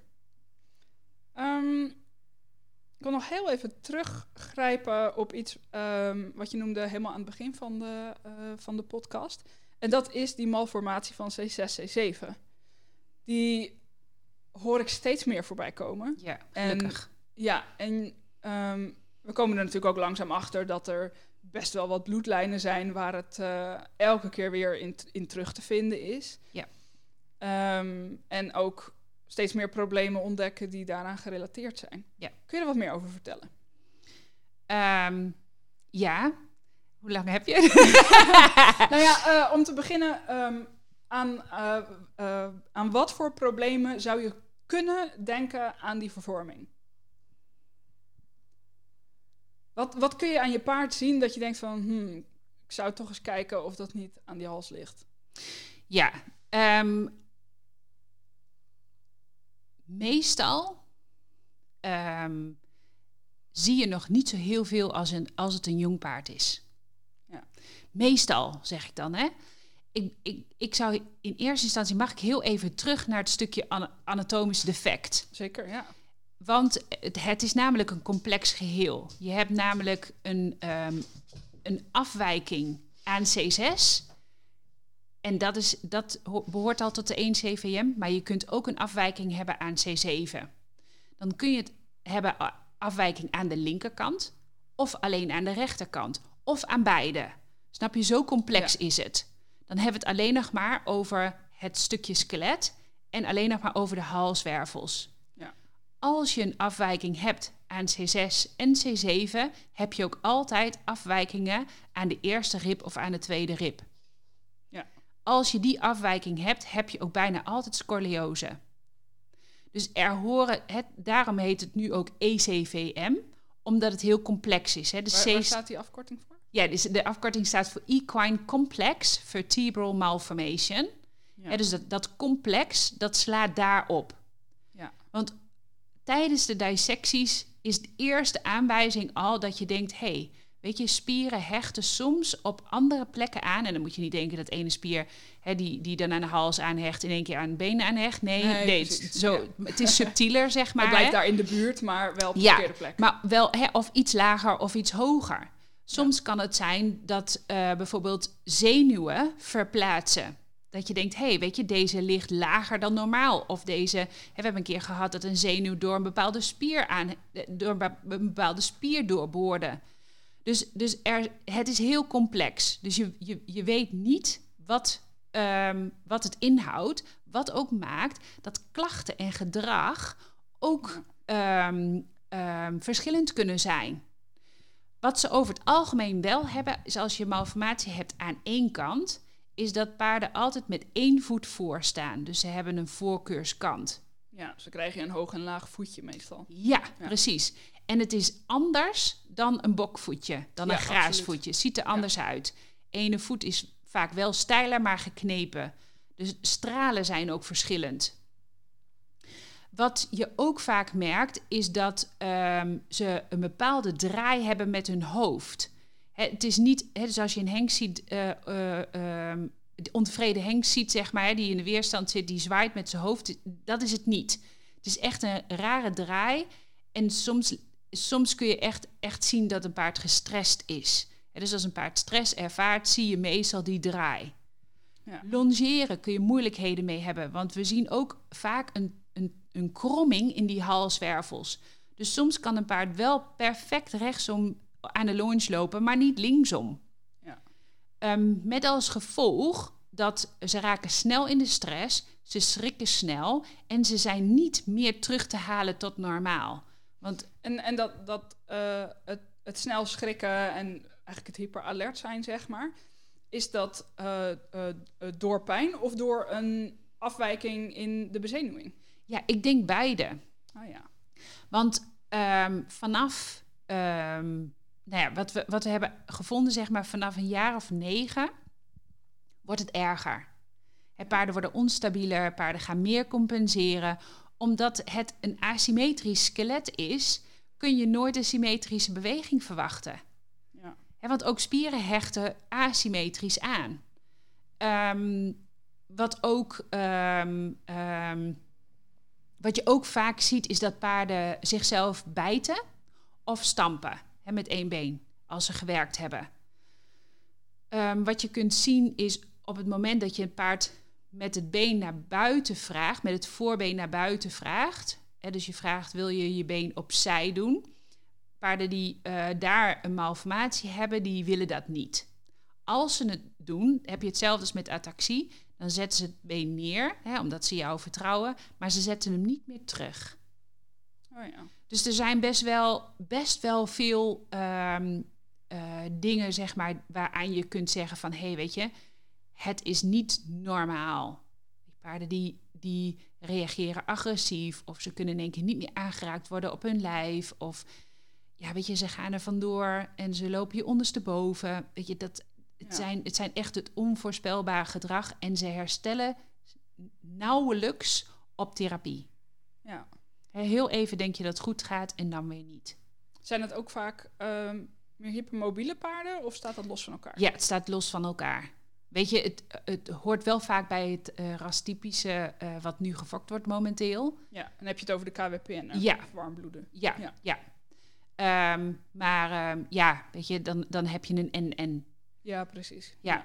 Maar goed, ik, weet je, wat, wat ik nu meestal, hè, dus als ik lezingen geef en ik heb het over het onderwerp of tijdens cursussen, eh, ja, heel veel mensen herkennen ehm, zich in, in mijn verhaal. En het enige wat ik zeg is, ja, weet je, zorg dat je röntgenfoto's laat maken. Ja. Er zijn een aantal ehm, methodes waarop je het eh, goed kunt diagnosticeren. Want het is niet op elke foto te zien, hè? Op röntgenfoto's is het te zien. Oké, oké. Ja. Dan was het, ben ik in de war met iets anders. Er, er, er was het, het, ik weet niet of het malformatie was of artrose, maar er, eh, het, er was iets dat rela- relatief makkelijk over het hoofd te zien is. Het is ook makkelijk over het hoofd te zien. Ja, oké. Die klopt wel, Ja, ja. ja oké. ja. Het is, ehm, het is namelijk zo dat, dat op het moment dat je op een normale manier, zoals dierenartsen dat doen, een röntgenfoto maakt, kun je hem over het hoofd zien. Dus op het moment dat je eh hoofd-halspositie op een bepaalde manier houdt en je röntgenapparaat eh, op een bepaalde manier, hè, dus de hals op Ja. een bepaalde manier schiet, een bepaalde hoek. ja, dus die, eh, weet je, mochten de, eh, de luisteraars dit willen weten, hij, hij staat als artikel op mijn website. Oké. Dus weet je, die kun je rustig downloaden. En dat is de afhalen. Studies? Ja, Studies, ja. ja. dus dat, weet je, dus dan, en dan kun je hem heel goed zien. Dat is Ja. goed om te weten. Ja. Ja, dus de, ja, want want dat is eigenlijk ook nog wat denk ik ook wel belangrijk is. Ehm, wat ik nu heb ervaren, is soms heb je een groeischijf van de halswervels die afgebroken zijn, geven dezelfde klachten. Hmm. Artrose, ernstige artrose, kan dezelfde klachten geven. Een breuk in een halswervel Ja. kan dezelfde klachten geven. Dus vandaar dat ik ook me voor kan stellen dat dierenartsen het soms moeilijk vinden om hè, met het hele ECVM gebeuren, om dat heel serieus te nemen. Ja. Omdat ze zeggen, ja, weet je, er is zoveel. En dat begrijp ik ook. Maar het is wel een serieus, het is serieuze zaak, ECVM. ja. En als je eenmaal weet wat het is, verschilt de aanpak daarna ook? Ja. Ja, we hebben nu ehm 2019 hebben we met een aantal mensen ehm, om de tafel gezeten om te kijken van, eh, weet je, wat zijn nou ehm, eh, de algemene eh, klachten, de algemene tendens. We hebben ja, de- gekeken van welke training houdt. Ja. Nou, het is belangrijk dat je ehm, paarden blijft begeleiden. Eh, hè, op, wel op een, op een bepaalde manier. Ja, en we zijn bezig, we zijn enorm aan de weg gaan timmeren met passief fysio. ja. En passieve fysio is de manier waarop je de huisvesting en voeding inricht eigenlijk, Ja. hè? Ja. Ja, en we hebben gezegd van ja, weet je, eh, nou ja, mijn vriendin die kwam daarmee met die, met die uitspraak. Eh, eh, Jessica Krul heet zij en zij zegt ja, ze van weet je, ik denk, hè, dus als je goed bekijkt, daar waar het paard het meeste tijd doorbrengt, valt de meeste winst te behalen. Ja. En naast de leuke dingen die je met je paard doet. En ik denk dat ze daar gelijk aan heeft. Weet je, Sharon, Ja. die had natuurlijk al wel hè, van, van de paarden uit het wild, zeg maar, hè, dus, het voer op verschillende hoogtes, omdat zij browsen in de natuur. Ehm, maar ik denk ook echt dat je op die manier dus proprioceptie kunt trainen. We zijn natuurlijk heel erg bezig met verschillende ondergronden. Dat is, dat is de proprioceptie. Dus die kun je echt veel meer uit, uitbouwen. Maar ook die nek stabiel maken betekent dus dat als je voer geeft op variabele hoogtes, maak je hem stabieler. Ja, precies. Want je zegt inderdaad paarden, paarden browsen. Het zijn niet alleen maar grazers. Het zijn, Weet je, ze eten natuurlijk ook van struiken en bomen. Ja. En op veel meer verschillende manieren dan dat de meeste mensen hun hooi voeren eigenlijk. Ja. Ja, Duidelijk. en dan, dan kom je weer op het stukje hè, van ik heb, een, eh, ik heb een stukje weiland en ik heb een schuilstel. Ja, het is Ja. echt te saai. Ja.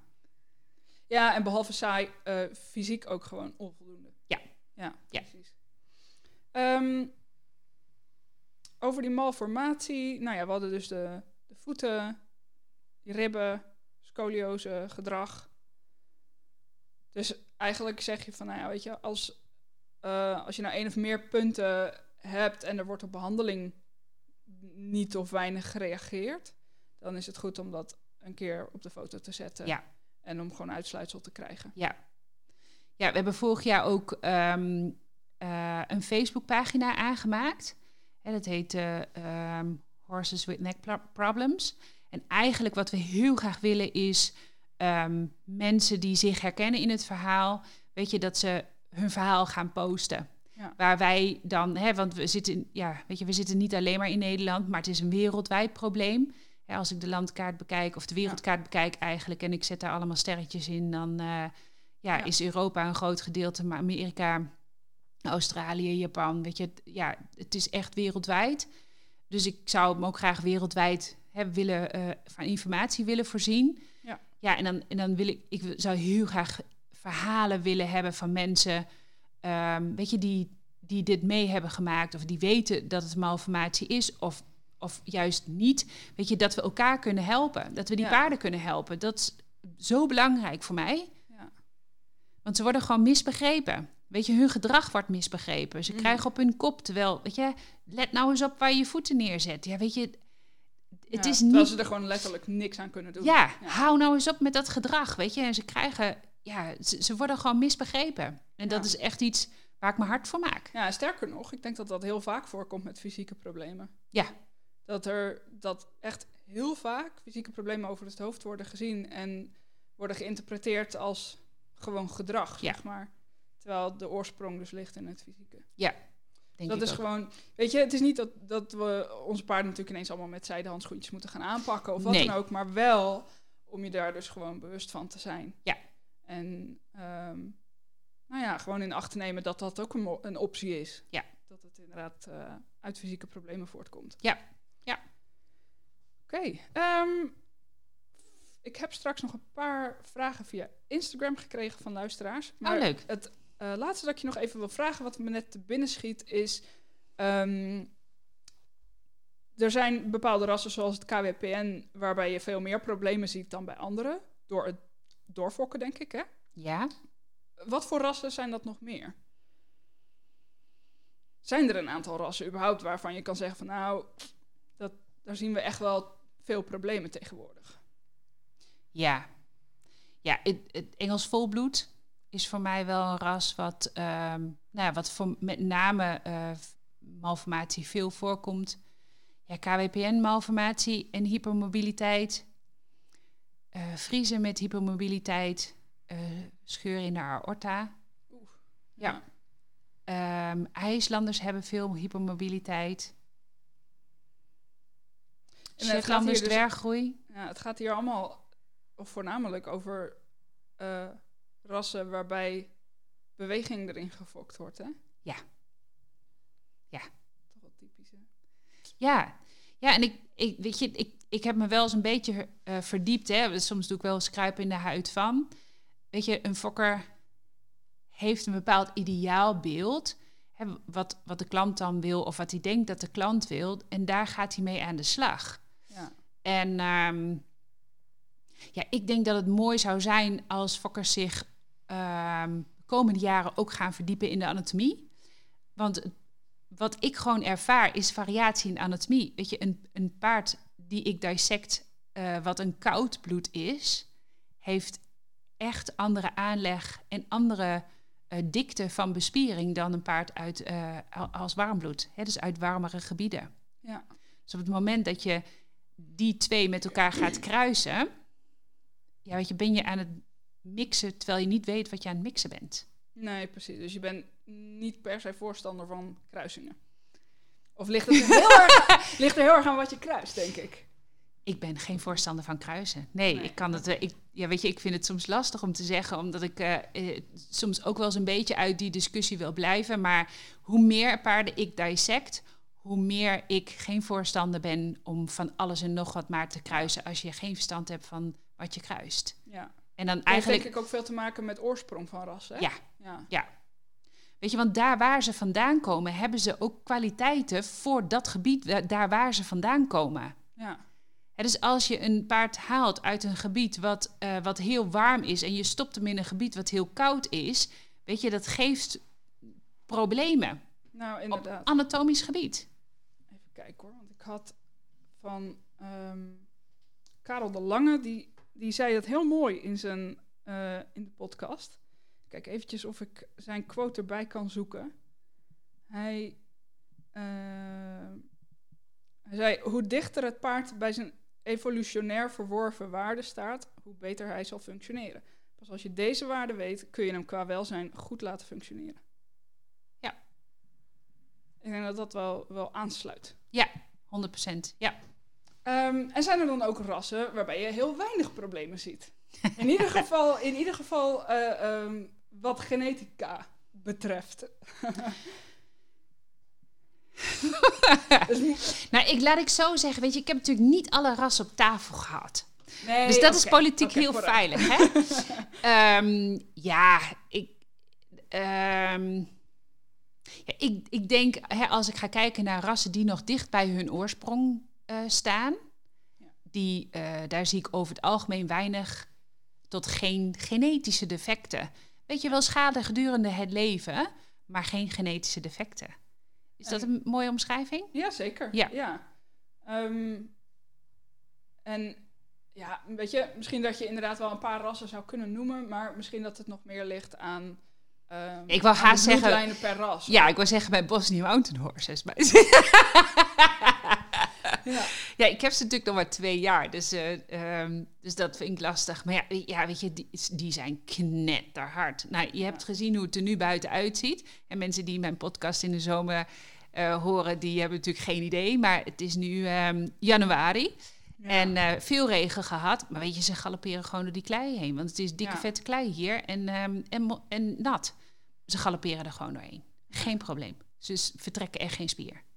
Ja, dat, is, dat verschil zie ik ook heel duidelijk tussen, tussen Mon Amour, mijn, mijn Lusitano-merretje van, van 3,5, en King, mijn Welsh Kop van 11. En dat, weet je, hij is veel voorzichtiger in zijn beweging. Terwijl zij, ja, weet je, dat, die gaat uit de plaat van de ene kant naar de andere kant en die draait op de plek. En die is, die is zo stabiel op de benen. Ja. En daar heb ik er ook wel op uitgekozen hoor. Ze is echt wel wat, eh, wat barokker typeje, zeg maar. Ja. En eh, elke keer als ik dit soort gesprekken heb, denk ik weer, ah, ik ben zo blij met de keus. Ja, ja. nou, dat is ook echt waar. Ja, weet je, eh, ik had eh, gisteren had ik ehm, eh, mijn, mijn trainster hier en ze zegt, ja, weet je, dit hoef ik mijn paard met Malformaat C6 C7 niet te laten doen. Nee, daar heb je helemaal gelijk in. Ik kan me helemaal voorstellen. Ja, ja dat snap ik.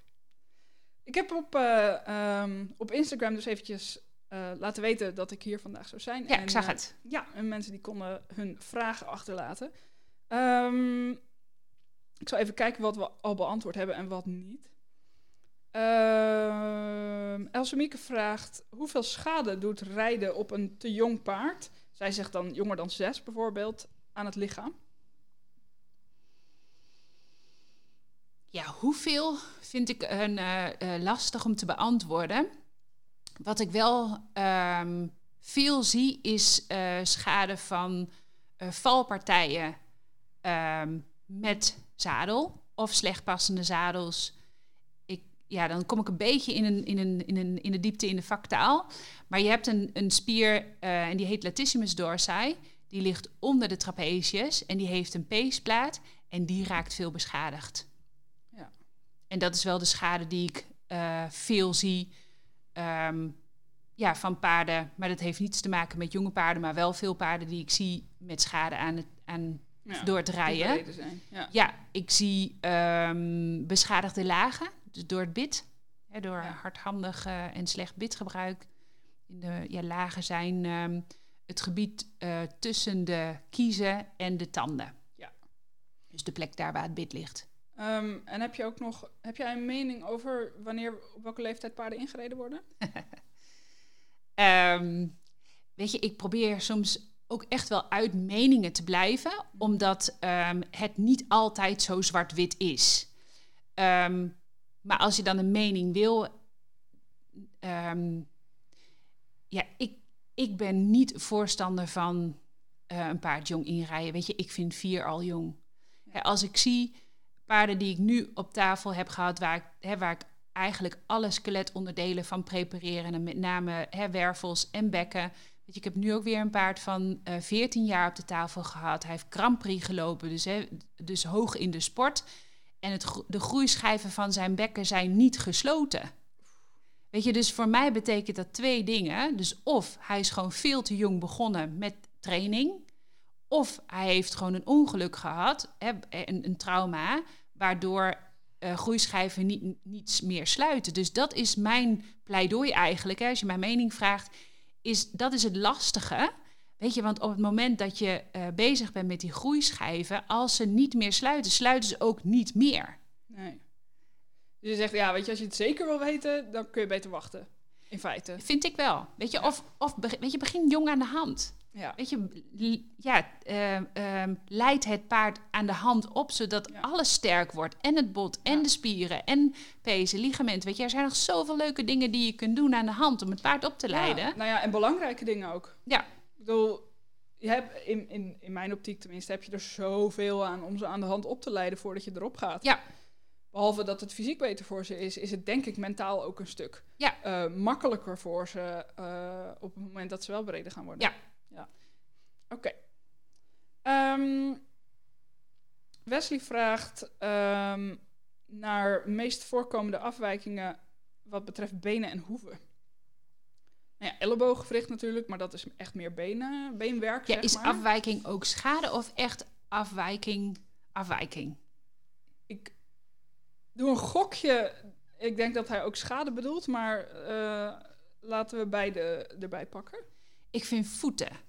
Voeten vind ik wel, hè, als Ja. ik ga hebben over afwijkingen, zijn voeten voor mij wel, ehm, ja, hebben wel de meeste afwijkingen, zoals ik me kan herinneren, als we het dan hebben over botstructuren. Ja. En heb je het dan over asymmetrieën? Of? Ja, alles.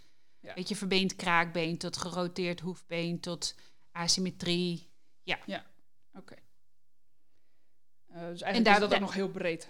Ja, en ik denk dat daar de, eh, het straalbeentje ook bij hoort. Ja? Ja, ja. Wat, wat zie je daaraan dan? gaten. Tja. Ja, Dus dat gaat, gaat dan dus bijna niet eens over gewoon hoefkatrolontsteking. Dat Nee. gaat over meer dan dat. ja, Ja. ja. Scherpe randjes. Ja. Weet je, die botjes daarbovenop, zeg maar. Weet je, die kunnen een beetje artrose hebben of ja, wat schade aan de gewrichtjes, zeg maar. ja. Als je het echt- echt hebt over afwijkingen, ja. Is, is dat ergens aan te wijten? Dat daar gaten in vallen? Is dat, is dat voeding gerelateerd? Of Ja, is denk dat ook. belasting gerelateerd? Ja, belasting. Beide. Ja. Beweging, belasting. Ja. Oké. Ehm, even zien. Maar ik denk ook wel genetica. Ja, het- weet je, dat is dus inderdaad het leuke. hè. Het komt, of het lastige ook. Dat het Ja. dus aan zoveel verschillende elementen kan Ja, liggen. ja. En dat het dus ook zo verrekte lastig is om een paard van nul af aan gewoon... Je wilt gewoon goed doen. Je wilt gewoon Weet goed je, doen, ja, inderdaad. ja. En dan ben ik... Ja, ik ben nog steeds gewoon dus heel erg blij dat ik gewoon echt een heel jong paard heb gekocht. En ook precies weet waar ze vandaan komt en hoe ze is opgegroeid en alles erop en eraan. Ja. Eh, en dan nog denk ik aan wat er allemaal beter zou kunnen, Ja, weet je wel? ja. Of nu, of weet je, erop. Nou ja, goed. Ja, dan ben je de perfectionist. goed, En, eh, die, die ben ik ook. Ja, en eh, ik, ik weet ook wel van, ja, weet je, het, eh, er zijn ook een boel paarden die oud worden en happy worden met alle mankemen- mankementen die er zijn aan Ja. hun of aan hun huisvesting of opgroei. Ja. Eh, dus ik, ik, eh, ik hoef daar ook zeker niet te voorzichtig in te worden. Maar ik, blij, ik, vind, ik probeer het gewoon als een gezonde uitdaging te zien Ja. om het elke keer weer een beetje verder te verbeteren. Ik vind het Ja. een mooie term. Gezonde uitdaging. Ja. Het, hoeft geen, de, het is dus ook echt geen obsessieve uitdaging. En dan wil ik het ook niet laten worden. Ehm, ja, hier hebben we eigenlijk, kwamen we hier net al even op. Er is iemand die zegt, ja, ik ben benieuwd naar de schade bij extreem voorbeengebruik. En dan zijn er bijvoorbeeld tuigpaarden als voorbeeld. Maar ik kan me dus ook wel voorstellen dat de Friese, de KWPN'ers, maar ook Engels volbloed die heel erg op beweging gefokt wordt. eh, dat daar inderdaad gauw ehm, Ja, problemen in ontstaan. Ja, ehm, heb, uh, problemen in tussenpees is een enorm groot probleem. Ehm, suspensory ligament heb ik al even genoemd. Echt een zwaar groot probleem. Hè, dus dan hebben we het pees gerelateerd. Ehm, ja, en dan komen we toch wel elleboog, schoudergewricht. De meest voorkomende. Ja. Ehm, iemand vraagt, zijn er bepaalde afwijkingen die met name bij de PRA's of de Lusitano's vaak te zien zijn? Die hebben we nog niet op tafel gehad. Oh, interessant. Ja. Ehm, ja, ik, ik- ja ik, wat ik hoor, hè, dus dat is even vanuit mijn klantenkring, is ehm, het lage rug- ruggebied gebied echt een groot probleem. Daar zit op jonge leeftijd al veel artrose. Ehm, elleboog, groot probleem. Ehm, malformatie heb ik daar ook al een aantal keer gevonden op röntgenfoto's. Ja, en ik denk, hè, dus, dus die groep heeft, eh, heeft veel, hè, we noemen dat in de volksmond maaien, hè, dus, dus een roterend voorbeen. Dat is even vanuit een theorie, zeg maar. Hè, dus eh, op het moment dat een paard eh, een voorbeen heeft wat roteert, dus maait, ja, geeft slijtage. Want het is Ja. een, niet, een niet normale eh, bewegingsvorm. Ja. Het is ook geen efficiënte bewegingsvorm. Nee, nee. En dus kun je er eigenlijk van uitgaan dat dat ergens zijn weerslag op heeft. Ja, ja. Even zien. En ik had ook nog... Zei iemand weer, ja, ik heb een heleboel vragen, dus ik ga ze gewoon eventjes DM'en. Ehm, DM'en? ja, via Instagram. Ja, Oh. di- direct message. Oké, oké. Ja. Ehm, ja, dat was over voeding. En die hebben we eigenlijk al, eh, hebben we het eigenlijk al uitgebreid over gehad. Ja. De, dat wat te relateren is aan voeding. eh, en of je die ook terugvindt bij wilde paarden. Ja, ik heb ehm, eh, twee exmoors eh, eh, tijdens de research onderzocht. Ehm, en een van de twee exmoors eh, vond ik de botten ook heel broos. Nou weet ik dat deze twee exmoors die hadden zomerexeem. Dus op jonge leeftijd, hè, eentje was twee en eentje was drie. Dus op het moment dat je in een ongunstige tijd, hè, dus ongunstig in die zin wordt geboren met een uh, genetisch component. Ehm, en daar bedoel ik mee, dus alle energie ging eigenlijk in het herstellen van um, het zomerexeem. Heeft, heeft ze waarschijnlijk alle energie uit haar botten gehaald. Ja. Dus op het moment dat je in een ongunstige periode geboren wordt, waardoor er weinig um, uh, voedingsstoffen zitten in de bodem of in het gras of waar dan ook, en je hebt te maken met een issue waar je mee dealt, ja, dan krijg je zeker wel uh, een, um, een belasting. De energie moet gewoon anders besteed worden. Ja, in feite. daar is het wild niet heel veel anders dan nee. in gedomesticeerde vorm. Het enige voordeel dat zij hebben is dat ze, nou ja, niet bereden gaan worden. Nee. Niet getraind gaan worden. Nee. En dat het dus in feite ook weinig uitmaakt. Ja, en dat haalt, dat haalt op latere leeftijd wel weer in omdat ze dus um, niet belast zijn. Ja. En, maar dat is niet in, in gedomesticeerde uh, vorm. Want daarmee worden ze eigenlijk alleen maar meer belast. Ja. Dus dat is het verschil. Duidelijk. Um, en uh, haar derde vraag hebben we uh, ook al beantwoord. Namelijk over het meest bijzondere probleem dat je ooit gezien hebt dat gecreëerd is door voeding. Die was ja, Samantha. Samantha. Ja, ja, precies. Ja. Nou ja, die, die hebben we dus al gehad. Um, in de paardenpodcast nodig ik natuurlijk altijd mensen uit die bijdragen aan de verbetering van, van paardenwelzijn. Um, dus ik ben eigenlijk bij jou ook wel benieuwd. Wat is jouw definitie van paardenwelzijn? Wow.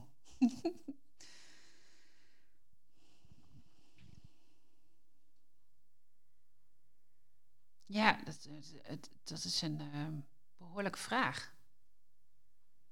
Ja. En dat antwoord is bij bijna iedereen anders. Ja, die geloof ik. Want anders zou het ook niet zo'n groot onderwerp zijn en zo'n groot issue en zoveel discussies uh, veroorzaken. Ja. Um, wat is um, mijn ogen paardenwelzijn? Zou ik in eerste instantie gewoon beginnen met niet? Weet je, ik, ik denk, paardenwelzijn is voor mij niet dat je altijd een happy paard hebt, want dat bestaat voor mij niet. Maar ik denk ik ga me een beetje ombuigen, merk ik. Ik merk dat als jij kijkt naar je paard en elke keer kunt zien dat wat je, jouw paard nodig hebt, dat je hem dat of haar dat kunt bieden. Hè, dus op het moment is het nu nat. Is niet altijd nat, maar als je nu een droge plek kunt creëren, zeg maar, waar die af en toe zijn voeten kan drogen, dan ben je voor mij bezig met een stukje paardenwelzijn. Of als je hoog in de sport zit en um, je nodigt eens een keer een bitfitter uit. Uh, om te kijken van, nou ja, weet je, is het bit wat ik gebruik überhaupt wel het, het, het juiste bit? Hè? Of uh, um, ga ik eens een keer proberen bitloos? Weet je, dat is voor mij bijdragen aan paardenwelzijn. Um, ja, weet je, uh, gewoon is een trainer extra mee laten kijken, hè, waar jij vertrouwen in hebt. Hè, van is, is de training die ik doe, is dat wel de juiste? ja, lezingen bijwonen, um, nou ja, jouw podcast luisteren, weet je, zoveel mogelijk informatie verzamelen. Want ik denk um, dat op het moment dat je denkt dat je alles goed doet, ben je juist niet meer bezig met paardenwelzijn, want je, ver, je verrijkt namelijk niet. Weet je, je ja. kunt zeggen het past niet binnen het management of het past wel. Maar het is niet, nu is het klaar. Dat is het in mijn beleving nooit. Is, Oh, ik, heb uh, je daar wat aan? Ik reken hem goed. Ja, oké. Okay. um, en dan eventjes uh, een klein beetje in de toekomst blikken. Als je over vijf jaar naar de paardenwereld kijkt, wat hoop je dat er veranderd is? Ik hoop dat we beter naar elkaar gaan luisteren. Ja. En bedoel je dan uh, professionals onderling? Ik, ik denk iedereen. Iedereen wel, ja. Ja, Denk je dat er op het moment te veel eilandjes zijn? Ja. Ja. Dus streven is om die wat meer met elkaar te gaan verbinden, eigenlijk. Ja. Weet je, ook durven te zeggen van, weet je, um, kunnen we het over eens zijn dat we het er niet over eens zijn? Ja. En dat dat dan oké okay is. Ja, precies. Dat er meer wegen naar Rome leiden. Ja. In feite. Ja. ja. ja. Nou, dat vind ik wel mooi inderdaad. En ik denk dat dat ook um, bijdraagt aan gewoon open-minded blijven. En dat dat aan zich bijdraagt aan paardenwelzijn. Ja, Dat, dat, dat denk ik ook echt. Dat is denk ik je eerste stap naar ehm, hè, dat iedereen zijn van haar verhaal kan vertellen. En dat de ander ook gewoon luistert. Ja. Ehm, en denkt van, nou ja, weet je, ik heb mijn weerstand, maar weet je, laat ik gewoon eens, gewoon eens luisteren. En dat je dan ja, open in gesprek kan gaan zonder de ander over te halen dat de ander beter is of dat jij beter bent. Denk dat dat de eerste stap is. Ik denk dat dat inderdaad wel een hele mooie is. Ehm, is er nog iets dat jij toe zou willen voegen aan de podcast? Of zeg je van nou, ik denk dat ik uh, wel verteld heb wat er te vertellen valt. Ondanks dat we hier ongetwijfeld nog uren kunnen zitten. ja, ja. Nee, ik, ik um, nou ja, wat ik eigenlijk aan, aan het begin al zei, um, maar toen was de podcast nog niet uh, uh, up and running. Ja, ik denk gewoon dat je het heel leuk doet um, met deze podcast. Dat je begonnen bent met podcast. Ja, weet je, het is, ik, ik denk gewoon dat het een, uh, ja, heel iets moois is wat heel dicht bij ons allemaal ligt. Om je verhaal te kunnen vertellen en dat mensen het verhaal kunnen luisteren op hun en haar eigen tijd. Nou, dankjewel dat jij ook je verhaal wilde doen. Ja, graag gedaan.